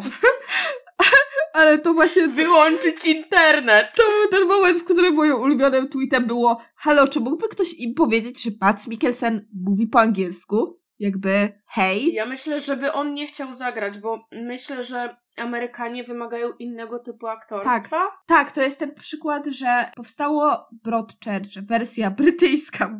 W ogóle to jest mindfuck, nie? To są dwa angielskie seriale, w sensie powstało brytyjskie Broadchurch z Davidem Tennantem, gdzie on mówił No po tak. szkocku, bo jest Szkotem i nie dało się tego zrozumieć, jak próbował oglądać ten serial bez napisów. Nie? Serio? Ja go normalnie rozumiem. Nie, on ma taką kluchę w buzi, że ja kompletnie nie rozumiałem, o, co- o Nie, czym on ja do mnie jestem mówi. dobra w rozumieniu szkockiego, co Ja jest nie. trochę śmiesznie, bo na przykład jak jest taki klip z tej Saturday Night Live, gdzie James McAvoy mówi po szkocku, podlinkujemy, Mhm. to ja na przykład oglądam to bez napisów i ja się śmieję, a moi znajomi oglądają to z napisami angielskimi i polskimi mają takie nie rozumiem. No, także ja mam tak ze Polecam. szkockim, że ja go nie rozumiem, więc powstało Broadchurch brytyjskie z Olivią Colman, z Davidem Tennantem mówiące po szkocku, po czym Amerykanie Cudowne. stwierdzili zajebiste, zróbmy to samo, tylko niech główny bohater mówi po angielsku, angielsku, amerykańsku, angielsku i wzięli Davida Tennanta. A nie mogli po prostu nagrać, nie wiem, Ja takie... drugiej ścieżki dźwiękowej do tego samego? Zmienili kto zabił, No. nie miało to sensu. Zrobili Nie cały serial jeden do jeden, więc- po czym na końcu zmienili kto zabił. Ja miałam takie... Ale To nie, nie, nie ma sensu. Nie ma, sen, nie ma sensu. Halo, w to nie sensie, ma no sensu. To Amerykanie to nigdy nie ma sensu, ale no Jakby nigdy nie zrobili kolejnych sezonów. Poza tym, jako na aktorkę, którą tutaj gra Olivia Colman, która jeszcze w drugim sezonie, z tego co pamiętam, była w ciąży, wzięli ładną blondynkę. Ja miałam takie. Mm. "Y, O, Nie, to, Mm. to. Wszystkie amerykańskie błędy w jednym serialu. Jakby Yeah. Broadchurch nie ma tego, wiesz, zainsynuowania czegoś między bohaterami, a tam było, nie? Takie miałam. Yy. Wiem, a no ale w Tenant Coleman oni są partnerami w tym wszystkim. To nie ma tak, że ona dla niego jest takim trochę tłem, żeby on się bardziej rozwinął, ani on dla niej nie jest tłem. To są dwie niezależne postaci. Tak, to są Super dwie napisane zajebiście napisane. postaci. A nie? tutaj to brzmi jakby oni zrobili z tej bohaterki tło dla głównego bohatera, co jest o Jezus No, Maria, ona takie tam miała, ona miała tam słabe. takie same dramaty jak Coleman, ale jakby te dramaty z tego, że no małżeństwo się nie układa, nie wiem, nie będzie dalej ze swoim mężem, wynikały z tego, że jest mm, nowy przystojny facet w mieście. Więc ja, ja byłam tak zniesmaczona tą amerykańską wersją, że jakby no złych amerykańskich wersji jest mnóstwo różnych filmów. Podlinkujemy też fajny filmik Kasi Babis odnośnie porównania amerykańskiej wersji, duńskiej wersji, skan- znaczy skandynawskiej wersji. Nie pamiętam jakiego filmu, dokładnie nie pamiętam tytułu. Chyba było Lawina, czy jakoś tak. Ale no podlinkujemy ten film no, odnośnie tego, że mhm, amerykańskie wersje maczetami, nie czekamy na amerykańskie Another Round, wystarczy nam wersja z Matsem. Wersja z Matsem zawsze będzie tą jedyną słuszną, no ale zawsze można obejrzeć tą amerykańską, żeby się z niej pośmiać i stwierdzić, że o głupi Amerykanie. Takie jest moje podejście. Więc tak, śmiejąc się z głupich Amerykanów, porozmawiajmy o tym, że po Hannibalu Matt zaczął bardzo romansować z kinem popularnym i więc porozmawiajmy o popularnych filmach Matsa Mikkelsena, a nie o jakimś tam e, The Hand Wittenberga, co widziało pięć osób. Także co? Mamy do wyboru. No to zacznijmy w sumie chyba od pierwszego takiego... Nie, chyba, chyba wcześniej był Bond. A tak, faktycznie, przepraszam, Znaczy, no był wcześniej Bond. byli trzej muszkieterowie, ale chyba Bond był wcześniej. Ale no trzej muszkieterowie serio obejrzałaś to tylko ty. No ja, dobra, ja to obejrzałam, no dobra. Nawet nieważne, Sylwia tego nie obejrzała, ona jest świruską na takie filmy, więc no to wiesz, to dużo mówi o filmie. Ale ja w ogóle nie pamiętam, z którego roku jest ten Bond. Casin 2006. Jeszcze niżej? O Boże Święte. Tak, Casino Royale. Okej, dobra, wow, więc robiłam Tak, tutaj em, duży Mont ja sobie- Everest, nie? Więc ja jakby sobie Casino Royale było przed te- Hannibalem. wow. No, ale to w każdym razie jest No ale chyba od Bonda się jeden zaczęło. z tych filmów, gdzie moi, moja ciotka to kojarzy na przykład i ja mówię takie, że coś tam generalnie ostatnio gadałyśmy, ja mówię, że o Mats Mikkelsen lolololololo, pierdolololo, jak to ja. I ona takie, kto? Mówię, no Mats, nie wiem, Hannibal z tego serialu, ona nie oglądałam. Wiadomo, nie? Mm, no. Takie, co ona ogląda? I mówię, no ten tam, z Wall, w Bondzie, ten przystojny Duńczyk. I ona miała takie, a ten, to czemu nie mówisz? Ja już wiem, czemu Tak. ja zrobiłam ten błąd, ponieważ ja obejrzałam właśnie Jabłka Adama, potem obejrzałam Hannibala, a potem miałam takie, o, w czym on grał? O, w Bondzie. Nie widziałam żadnego Bonda z Craigiem. Po czym Piotr miał takie, obejrzyjmy wszystkie Bondy z Craigiem, a ja miałam takie, już chcesz się rozstać? Ale dobra, obejrzeliśmy, nie? Jakby to jest najlepszy Bond z Craigiem. Dziękuję, kropka. Nie widziałam jeszcze najnowszego, ale to jest najlepszy Bond z Wiesz Craigiem. co, ja nie wiem, bo mi Bond jest filmem akcji. Tam nie I ma akcji. Wszystkich, y, we wszystkich filmach akcji nie ma akcji. Nie wiem, czy się próbowałaś kiedykolwiek to zagłębić. Filmy akcji mają wszystkie sceny tak po, podbite na tym takim wykresie emocji, że to się robi takie strasznie płaskie i ja na przykład zaczynam przysypiać po drugiej scenie. Ja już, wiesz, Mm. wybuchy, pościgi, strzelaniny, ale tak jest w każdej scenie, więc w momencie jak nie masz takiego, takiego wiesz, reliefu, gdzie ktoś, nie wiem, staje i rozmawia o uczuciach, to to się robi takie płaskie, że ja zasypiam. Hmm. Więc ja nie lubię filmów akcji. Ja nie lubię ogólnie filmów o Bondzie. Ja nigdy nie lubiłam filmów o Bondzie. Filmy o, o Bondzie są trochę święte dla mojej mamy. Moja mama jest wielką fanką Pierce'a Brosnana. Ale no ja nie lubię filmów o Bondzie. Obejrzałam te Bondy z Craigiem, no i podobało mi się bardzo Casino Royale, ponieważ Casino Royale jest takim troszeczkę innym Bondem. No i jest tam Mats Mikkelsen. Kropka. Tyle jestem w stanie powiedzieć o tym filmie. Jest tam Mats Znaczy, Mikkelsen i jest Nie wiem, bo ostatni raz jak próbowałam podejść do Casino Royale, to skończyłam jak bohaterowie na rauszu. Uuu, w To było sensie... wesoło. Ja nie wiem, Nie, przepraszam. Nie, także. Hehe, tak, do, gadam do was z zagrobu. Nie, to tak, że po 20 minutach przestałam trochę rozróżniać, w którym miejscu pokoju leży telewizor. No ale... No... Świetny film, 10 na 10, polecam. Świetnie się bawiłam. Jakby bycie z Wolem w Bondzie jest taką jedną rzeczą, którą fajnie sobie odhaczyć, jak nie wiem, nominacja do Oscara. Niby nic z tego nie masz, ale jednak fajnie wygląda w CV, jednak twoja ciocia kojarzy, w czym, w czym mogłaś widzieć tego aktora. No.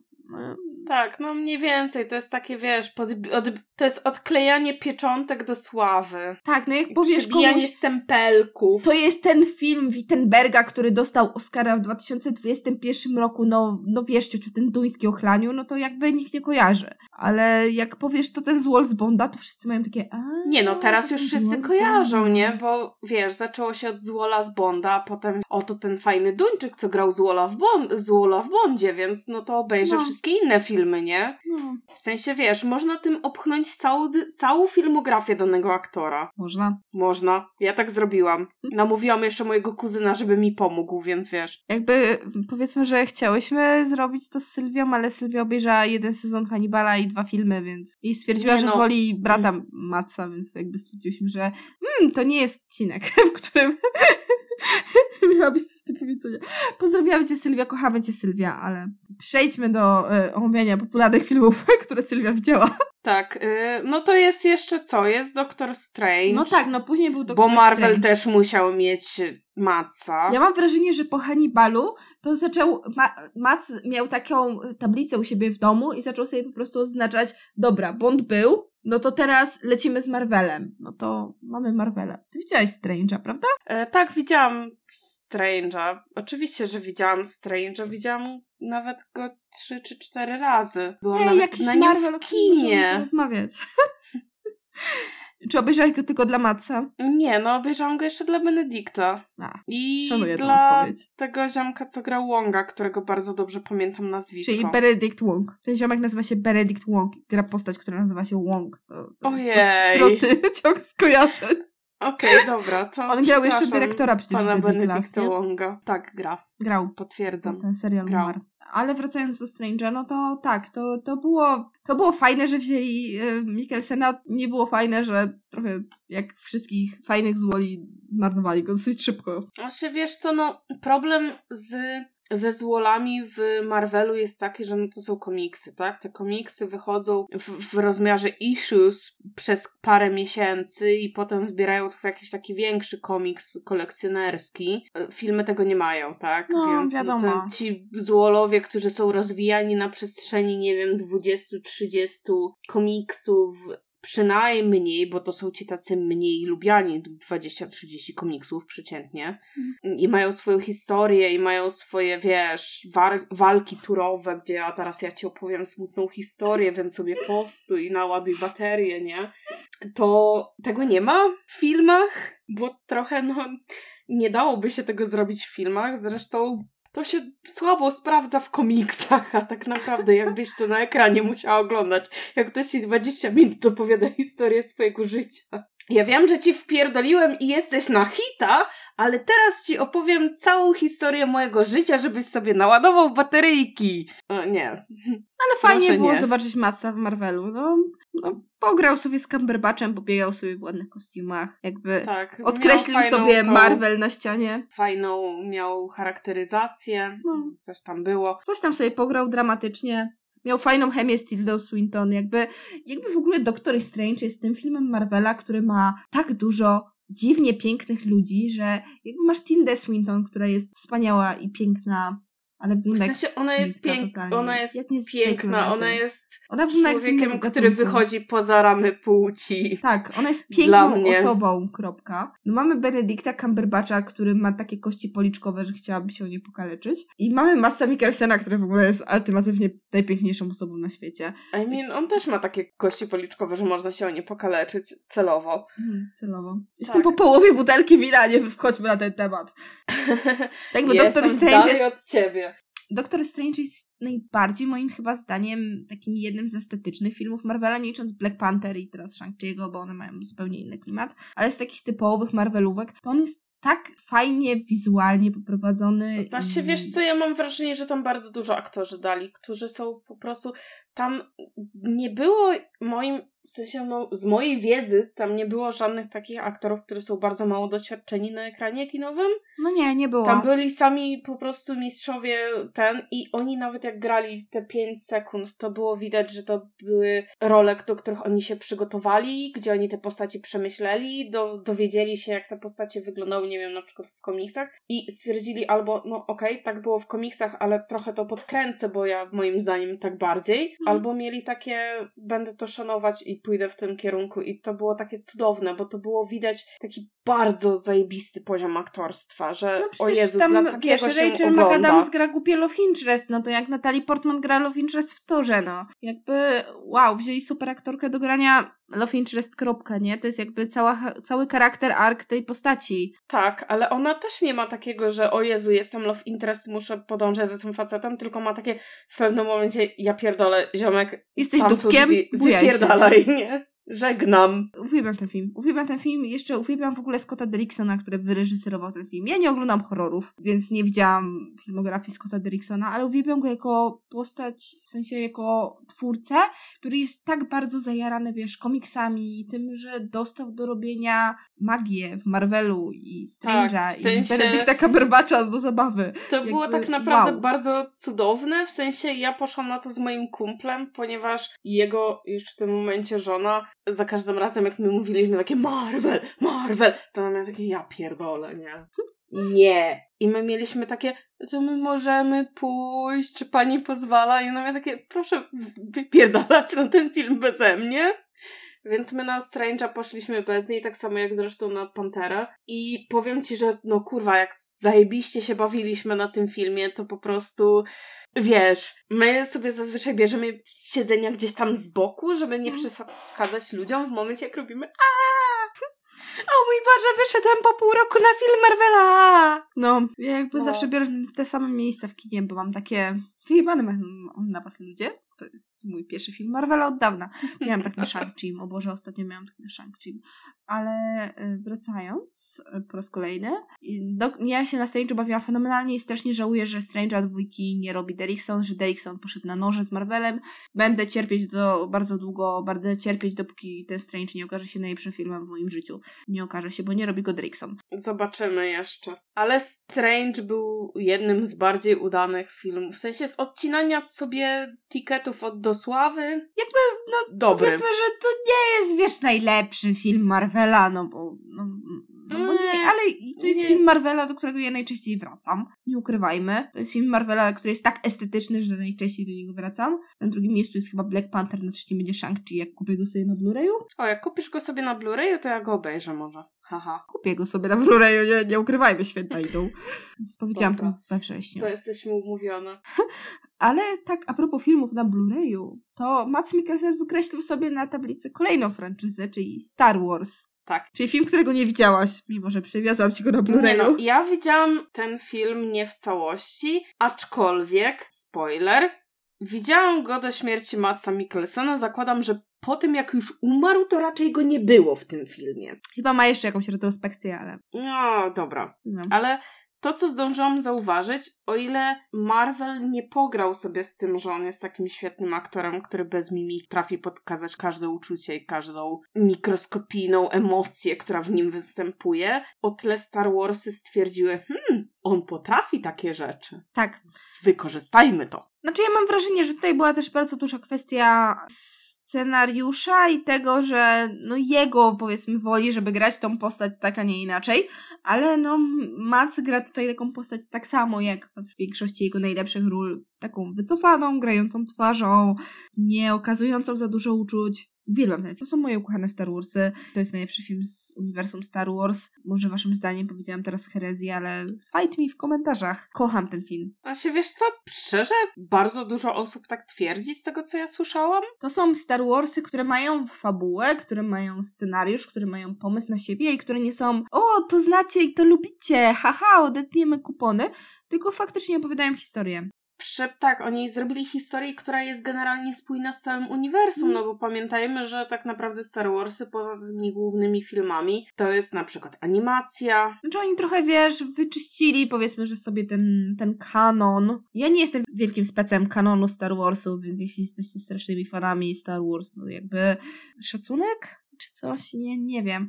Ale mi się strasznie podoba to, że oni właśnie zrobili coś zupełnie nie innego niż w Hanie Solo, gdzie Han Solo był takim jasnym odcinaniem kuponów, że haha, znacie tą marynarkę, jesteście ciekawi skąd ta postać ją ma, albo jest ciekawi dlaczego ta postać nazywa się tak, a nie inaczej. To my wam odpowiemy. Nie, tutaj oni po prostu zrobili kompetentny film i dobrali sobie do tego naprawdę fenomenalną obsadę. To jest naprawdę tak świetna obsada, no jakby Felicity Jones w głównej roli jest cudowna. Ja kocham tą aktorkę i zrobienie z niej córki Matsa Mikkelsena to było dla mnie takie 10 na 10, poproszę więcej.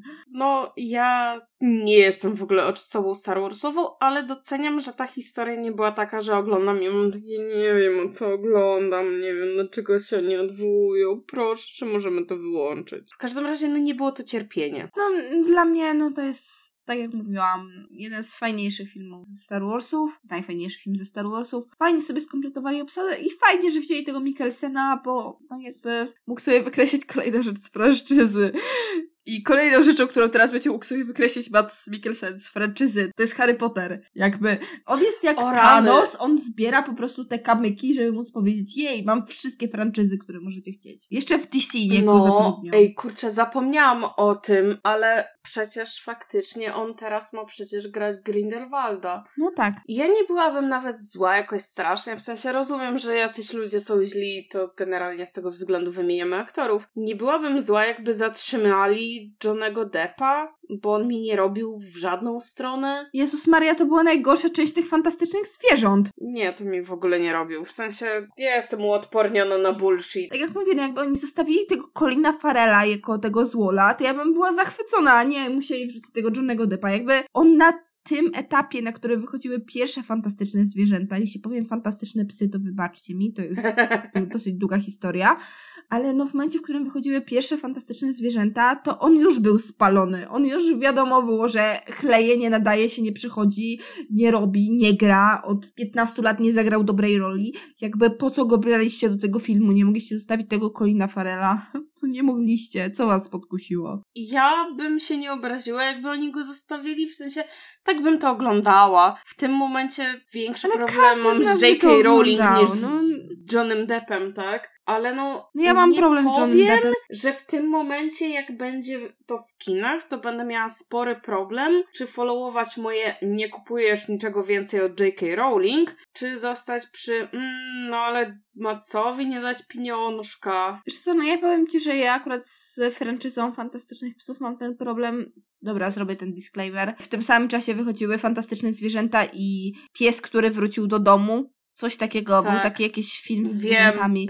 I ponieważ my miałyśmy wtedy Unlimited z moją przyjaciółką od dosyć niedawna, więc chodziłyśmy na wszystko. I ona jednego dnia była na fantastycznych zwierzętach i na wspaniałym psie, który wrócił do domu, coś tam, coś tam. No to jej, jej współpracownik zbił to w fantastyczne psy. I od, od tej pory ta, fanta, ta franczyza nazywa się dla nas Fantastyczne Psy. Więc tak, w fantastycznych psach, no jakby dla mnie problemem od samego początku był Johnny Depp i to, że czemu oni go w ogóle wzięli. Ja rozumiem, że Warner Bros. ma go na swojej li- liście płac od 100 lat, ale jakby były znaki ostrzegawcze już przy Piratach z Karaibów. Jakby nie bierzcie ćpuna do franczyzy dla dzieci. Halo, to nie jest najlepszy pomysł, to się nie skończy dobrze. W sensie, no mi to nie robi, ja nie mam jakiejś... Wiesz co, w no sensie, mnie to robi na zasadzie, że wiesz, jak no bierzemy pod uwagę takie rzeczy jak wpierdalanie Jamesa Gana za tweety, okej, to był Disney, ale no jakby Warner też jakieś zwraca uwagę na takie sprawy. No i dopiero teraz, wiesz, przy trzecim filmie, gdzie cały drugi film płukł tą samą rolę na autopilocie, jakby nie nauczyliście się niczego. Wyszły, wyszli ci ostatni piraci z Karaibów, no. Trzeba było go zmienić od razu, no. Weźmy pod uwagę, że generalnie Fantastyczne Psy nie był zbyt dobrym filmem. Ja uważam, że jedynka była super. Jedynka, Jedynka była podobała. spoko. Jedynka była bardzo fajnym wprowadzeniem do serii. Mam wrażenie, że J.K. Rowling nie miała jeszcze takiego wielkiego wpływu na scenariusz. Dwójka była zlepkiem posklejanych scen z teledysków. I Wiesz co, ja mam wrażenie, że jedynka jest filmem, który napisał ktoś, kto zna to uniwersum i niekoniecznie była to J.K. Rowling. I bardzo dobrze się bawił pisząc te postaci, no bo Newt jest naprawdę fajną postacią, ale myślę, że sobie kiedyś jeszcze wrócimy pewnie do uniwersum Harry'ego Pottera. Ale tak to to na przykład Fantastyczne Psy są jedyną franczyzą, którą Piotrek widział z Harry'ego Pottera, no bo on widział jakieś na filmy, czytał jakieś tam książki, ale jakby ma to w dupie.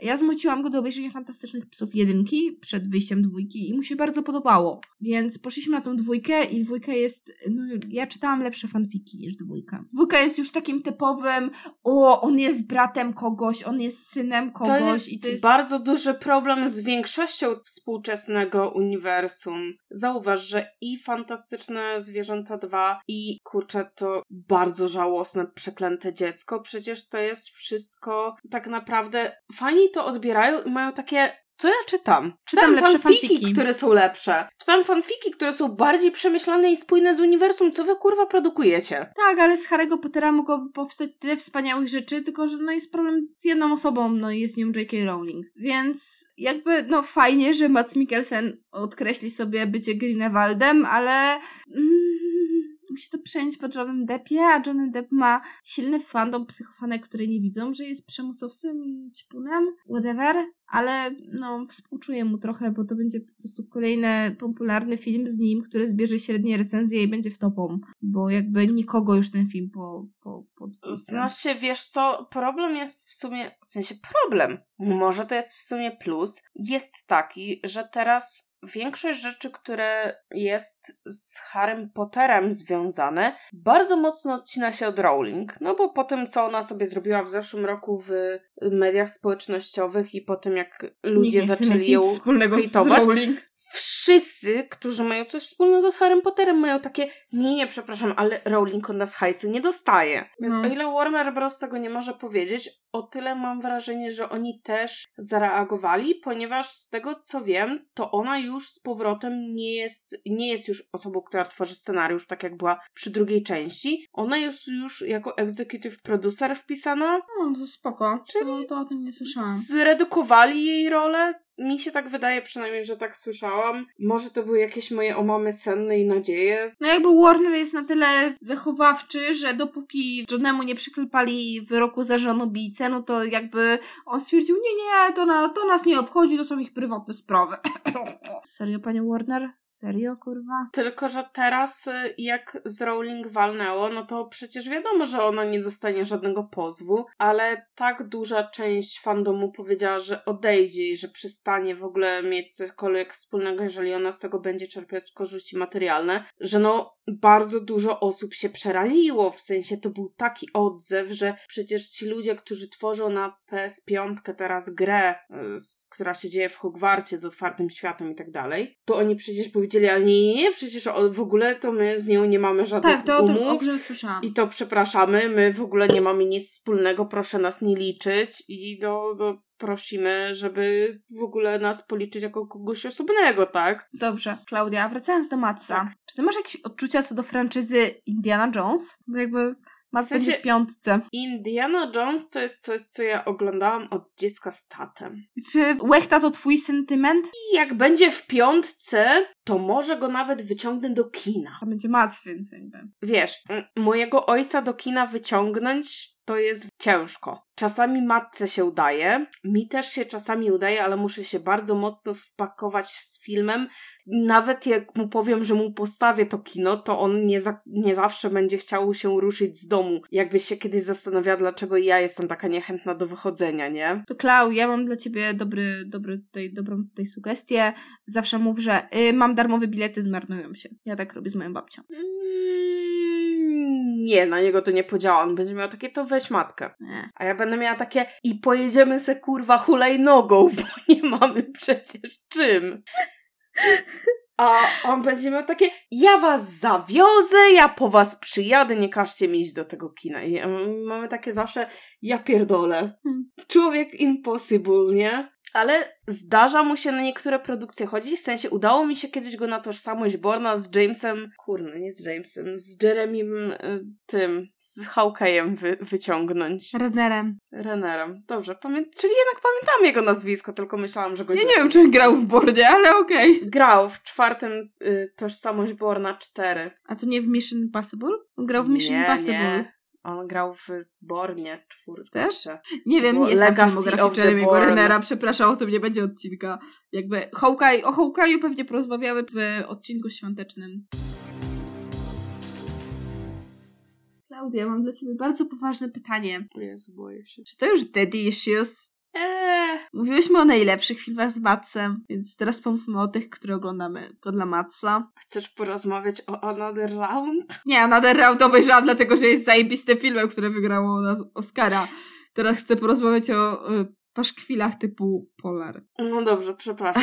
To pewnie chcesz po- porozmawiać o na przykład Chaos Walking. O tym już rozmawiałyśmy. To był świetny film. Nie Tak. polecamy. Proszę go nie oglądać. Polecamy za to nasz odcinek o Young Adult. Początek tego sezonu. Zapraszamy. Do dzisiaj jestem gotowa się zmierzyć z książką tylko i wyłącznie dlatego, żeby sobie udowodnić, że nie da się stworzyć aż tak złego filmu na podstawie dobrej książki. Powtórzę to, co już mówiłam. No, niektórzy uważają to za książkę, która jest zbyt dobra, żeby być Young Adult, więc może po prostu ekranizacja filmu jest tak bardzo zjebana. Książka jest Mhm. dobra. Obstawiam, że tak właśnie jest. Mhm. Nie wiem, co Matsa podkusiło do wzięcia tej franczyzy. Myślę, że pieniążki. Myślę, że też lubi jeść, na przykład lubi kupować sobie masło. Myślę, że wszyscy lubimy pieniążki. Nie wiem, co tam w Danii jest generalnie drogie. W Polsce jest masło akurat i cukier, więc mówmy sobie, że nie wiem, Mac ma swoje potrzeby finansowe, potrzebuje mieć tak jak Remigiusz Mróz basen masła. No jakby każdy z nas potrzebuje mieć basen masła, więc nie, nie będziemy krytykować jego wyborów artystycznych. Ale no, poza Chaos Walking, które, o Jezus Maria, co to była za rola? W sensie to była świetna rola. Szczerze, z perspektywy Massa, który to zagrał fenomenalnie, no to było cudowne. 10 na 10, tylko że kurwa reszta filmu była No beznadziejna. jakby tam się nie dało zagrać źle, no to, to był tak słaby scenariusz, że on by tam był i to już byłoby lepsze niż ten scenariusz. No, ale no z takich rzeczy, które były, nie wiem, co mi się nie podobało. Mi się na przykład strasznie Michael Koch- Kolhas nie podobał. Ty tego nie widziałaś, więc Nie, nie jesteś- widziałam, więc W sensie, z jednej strony to jest świetne, ponieważ oglądasz sobie film i masz takie wow, Mac jest takim super zajebistym człowiekiem. W sensie on rozmawia w jakichś kurwa czterech czy pięciu językach. Ja zrobię teraz disclaimer. To jest ten film, w, k- z którego wszyscy robili edity, że on powinien być Wiedźminem? E, tak, Okej, dobra. Chyba tak. Przynajmniej tak mi się wydaje. Nie wiem, bo ja ten film sobie włączyłam gdzieś tam w trakcie grania w Simsy, bo jak obejrzałam pierwsze 10 minut, to miałam takie nope. To jest film, gdzie on gra francuskiego merchanta, k- który w trakcie drogi Mhm. na targ zostaje na- najpierw skasowany jakieś dzikie hajsy, Potem okazuje się, że został ten hajs orżnięty, a potem jeszcze się okazuje, że ten ziomek, co go orżnął o ten hajs, poszedł do jego domu, zamordował mu dzieci, przerżnął żonę i ją też zamordował. Super plan, nie? Powiedziałam, że sympatycznie, ale chyba nie. No, w każdym razie on dość cierpliwym człowiekiem tam w tym filmie jest. On najpierw sobie układa po prostu plan i najpierw na spokojnie sobie życie na nowo układa, a potem stwierdza, że się na tym ziomku zemści i się zaczyna faktycznie na nim mścić, ale to był mniej więcej ten moment, w którym przestałam już na ten film patrzeć, bo już mnie zmęczył. W Mhm. każdym razie to jest fantastyczne popatrzeć na aktora, który z jednej strony mówi ci po angielsku, z drugiej strony no jest Duńczykiem, więc raczej mówi po duńsku i cały film nagrał po francusku, mówiąc jak rodowiczny człowiek z Francji. Może nie z jakiejś mniejszości, czy z jakiegoś tam konkretnego regionu, no ale takim poprawną francuszczyzną to jeszcze historyczną, która Mhm. jednak trochę inaczej brzmi. Więc wow, gratulacje, jestem z ciebie dumna. Nie wiem, czy to coś wnosi do tej roli, która mnie zmęczyła w chuj i po której miałam ochotę trochę nie, nigdy więcej nie oglądać filmów z Matsem. No. To nie jest film, który ja bym polecała, jak ktoś chce zaczynać z nim historię, bo mnie ten film przeorał, przemęczył i szczerze wolałabym cokolwiek innego chyba z nim obejrzeć. Nawet To jakby nie polowanie żałuję. było lepsze. Mi ciężko polecać ten film. Jak ktoś jest fanem Matsa i już chce go kon- koniecznie obejrzeć, to proszę bardzo. Jak ktoś jest fanem jakichś takich historii wiekowych, które się dzieją w jakiejś takiej średniowiecznej Francji, to może też, ale no, nie wiem, ciężko. Nie podobał mi się ten film. To jest autentycznie jeden, jedyny film, który obejrzałam na te ileś tam filmów z Matsem, przy którym mam takie "Mm, nie. Okej, Klaudia, Proszę więc nie. wytłumacz mi, co ci się podoba w Polar? W tym wspaniałym dziele wiekopomnym Netflixa, które powstało chyba, nie wiem, z rok temu. Powiedz mi, powiedz mi proszę, co ci się podoba w tym filmie. Przede wszystkim trzeba wyłączyć myślenie, jak zaczniesz ten film, ale jak wyłączysz myślenie i pójdziesz z fabułą, to powiem ci, Jaką fabułą? zajebiście się kurwa bawisz. Tam są jakieś wybuchy, jakieś kurwa ruchanie, Mac ga- gania z nagim tyłkiem. Ja nie wiem, co się działo w tym filmie. Szczerze, nie bardzo mnie obchodziło, co się tam działo w tym filmie. Klaudia, ja rozumiem, że nagi Mats Mikkelsen wyłączył twoje myślenie, ale no kurwa, bez przesady. Jakby to jest jeden z najgorszych filmów, jakie widziałam w życiu. To tak bardzo nie miało sensu, nie miało niczego, nie miało jakiegokolwiek rozumu i godności. To było... O Jezu. Ten film był beznadziejny, ja go przy... ja to Ten film przyznaję. jest tak beznadziejny, on nawet nie był tak zły, że aż beznadziejny. Jego po prostu w nadmiernych ilościach enjoyowałam, nie licząc z tym się, się z tym, że on był po prostu beznadziejny. Przecież to był Klaudia, film... ja wiem, że to już daddy issues, ale jakby nagie pośladki Matsa Mikkelsena nie rekompensują wszystkiego. No dobra, no okej, jestem w stanie wybaczyć wiele, ale nie aż tyle. Powiem ci, że to mi się niektóre rzeczy po prostu podobają, ja tego nie kwestionuję. Na zasadzie oglądałam ten film z moimi rodzicami i oni boję siedzieli z takim ja pierdolę, co ty nam włączyłaś? A ja miałam takie, ale się dobrze bawię. Dlaczego ty to obejrzałaś z rodzicami? Eee, Dlaczego? tak bywa. Wow! Bo liczyłam, że ten film będzie taki beznadziejny, że im się będzie podobać, a mi się nie będzie podobać i będę udawała, że mi się podoba, bo trochę na odwrót. Wow, to jest jeszcze. Nie rozumiem, że można obejrzeć ten film na zasadzie. Jestem zmęczona po pracy, chcę sobie popatrzeć na nagie pośladki Matsa Mikkelsena, pijąc wino i mając zajęte ręce. Nie winem. Ale no, jakby rozumiem, że można obejrzeć ten film w ten sposób. Polar może być tym filmem, którego oglądasz, jak jesteś pijana i nie masz ochoty oglądać filmu tylko u ładnych ludzi. No to spoko, no bo jakby moje bycie bi trochę tutaj się uskutecznia, ponieważ uwielbiam Catherine Winnick, ona jest taka piękna. Zwłaszcza w tym filmie, ona jest najpiękniejsza w tym filmie. Ale Jezus Maria, ten film był straszny. Ten film był koszmarnie, koszmarnie zły. Ja umarłam na tym filmie. To jest naj... Mówię, to jest, to jest coś, co mnie zabiło. To jest kwestia trochę też perspektywy. I ja traktowałam ten film w tak w miarę poważnie do jakichś pierwszych 15 minut, a potem stwierdziłam, że będę miała z niego bekę i od tych, tych 15 minut to był najlepszy film ever. I mój ojciec też miał takie, z czego ty się kurwa śmiejesz? Przecież ten film jest beznadziejny. On jest beznadziejny dla mnie, a ty skończyłaś filmoznawców, wstydź się. I ja miałam takie, ale kurwa, i wiesz, beka. I pocisnęłam bekę przez jakieś tam 5 minut filmu i opowiedziałam mu część taką bekową i on miał takie a, bo ty to oglądasz z tej perspektywy. I on też zaczął cisnąć bekę. Moja mama się patrzyła na nas oboje z takim ja chyba powinnam się przeprowadzić, nie? Wiesz co, no, jakby my z Piotrkiem jesteśmy w stanie obejrzeć The Room i świetnie się bawić na tym seansie.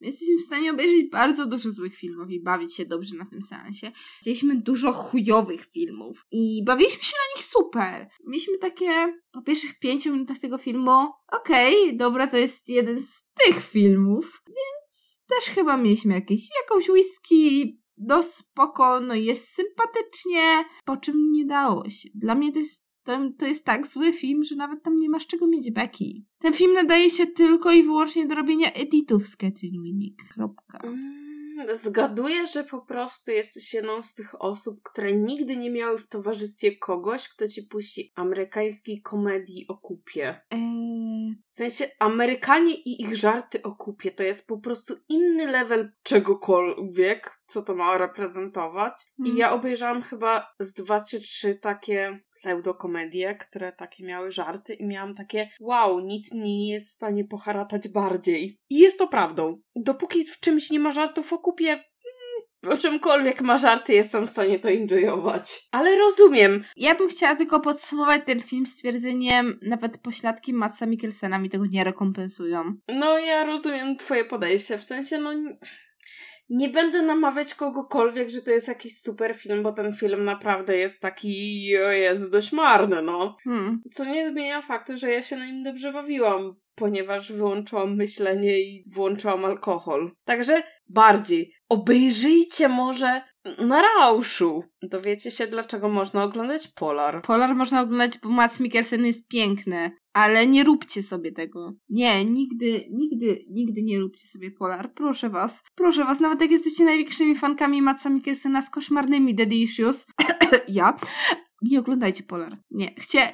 ja bym chciała wyprzeć ten film z mojej Ale ja pamięci. tam nie miałam Daddy Issues. Problem z Polar a propos Daddy Issues jest chyba taki, że on jest tak bardzo tam siwy, że to podchodzi już po jakieś Grandpa Issues i to jest... E, nie. Ale on ma tam scenę erotyczną, taką obrzydliwą scenę erotyczną. Ja naprawdę mam duże granice, jeśli chodzi o moje postrzeganie rzeczy, które ja oglądam, ale no, to natrafiło na jakieś moje granice. Jakby nie, to, to, tego Ja nie próbuję da, tego to nie zrozumieć. Ja, ja po prostu stwierdzam, że okej, tak, widziałam. Podobało mi Jakby się. ja lubię bardzo dużo nie oglądałam tego obsady. nigdy drugi raz, więc nie jestem w stanie zweryfikować tej opinii. Może jakbym obejrzała to drugi raz i miałabym takie, o Jezus Maria, co ja obejrzałam i dlaczego mi się to podobało. Wróćmy na film web i zmieńmy to 5 na 10, no kurczę, 2 na 10. Nie wiem, czy ktokolwiek powinien obejrzeć ten film drugi raz. Nie wiem, czy ktokolwiek powinien obejrzeć ten film pierwszy raz. Boże, jeśli oglądaliście Polar i nie wiem, enjoyowaliście ten film, to napiszcie mi czemu. I pośladki Matsa Mikkelsena nie są tą odpowiedzią, której poszukuję.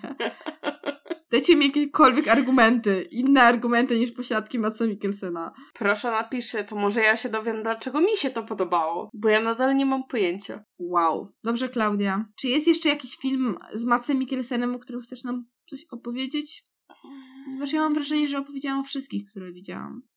Boże, w ogóle, ja bym chciała powiedzieć, że jak robiłyśmy research do tego odcinka, Tak. to ja zobaczyłam filmografię Matsa Mikkelsena i miałam takie, ja mam za mało życia. Ten człowiek zagrał w takiej ilości produkcji, że jest mi słabo, jeszcze nie wszystkie widziałam. W ogóle Men and Chicken Melon Chicken żadna z nas nie obejrzała. nie, ale jest na CDA. Jest, Ale jest. teraz wychodzą ci Riders of Justice i wiem, że oni są grani w niektórych kinach w Warszawie, więc jeśli macie taką okazję, to nie wiem, wybierzcie się do kina. W Łodzi nie są, mi przykro. Nie wiem, czy ty chyba nie obejrzałaś w końcu The Necessary Death of Charlie Cunningham? nie, Countryman? nie, nie. W każdym razie, no ja to obejrzałam jakoś tak przez przypadek zupełnie. Fajnie zobaczyć jest Matca, który gra zupełnie inną rolę. W sensie, Hmm. jeżeli szukasz czegoś, gdzie hmm, jeszcze w tym nie widziałam Maca, to on gra tutaj takiego super przemocowca, który jest w ogóle osobą niezaangażowaną emocjonalnie w cokolwiek. Więc to jest bardzo fajne do zobaczenia, jako jakaś taka nowa rola dla aktora, którego już widziałaś w 500 innych rolach. Ale nie wiem, czy mi się ten film podobał. Naprawdę nie wiem. W sensie, to nie jest tak, że on mi się bardzo nie podobał. To nie jest tak, że on mi się w jakikolwiek sposób podobał. To jest po prostu taki film, przy którym obejrzasz i masz takie. Kończysz film z takim, co? Ale co ja obejrzałam? Dlaczego ja zmarnowałam na to właśnie dwie godziny życia? A okej, bo Mats Mikkelsen, okej. Jakby to odpowiada na twoje pytanie. Tak, ale kurwa nie. To z takich chyba filmów, które ja widziałam i ty nie widziałaś, bo, no bo The Hunt ty już widziałaś, Trzech Muszkieterów. Chcesz się wypowiedzieć na temat Trzech Muszkieterów? Co uważasz na temat tej franczyzy? Ja widziałam ten film. Kropka.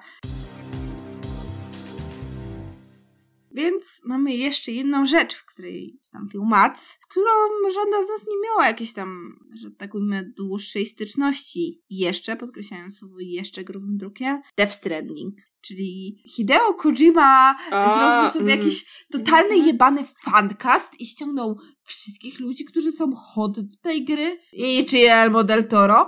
Co tam zaszło w tej grze? Po pierwsze, tam jest Mats. Tam jest, z tego co Norman pamiętam, Reedus. Defoe.